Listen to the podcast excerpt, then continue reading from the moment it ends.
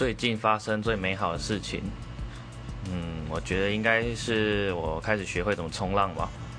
但是这个端午节连假我又跑去冲浪那这一次已经可以抓到一些比较小的浪那我可以就是顺利的站起来然后冲到底都不会摔倒这算是一个蛮大的进步觉得还蛮爽的。没错这就是最近最爽的事情。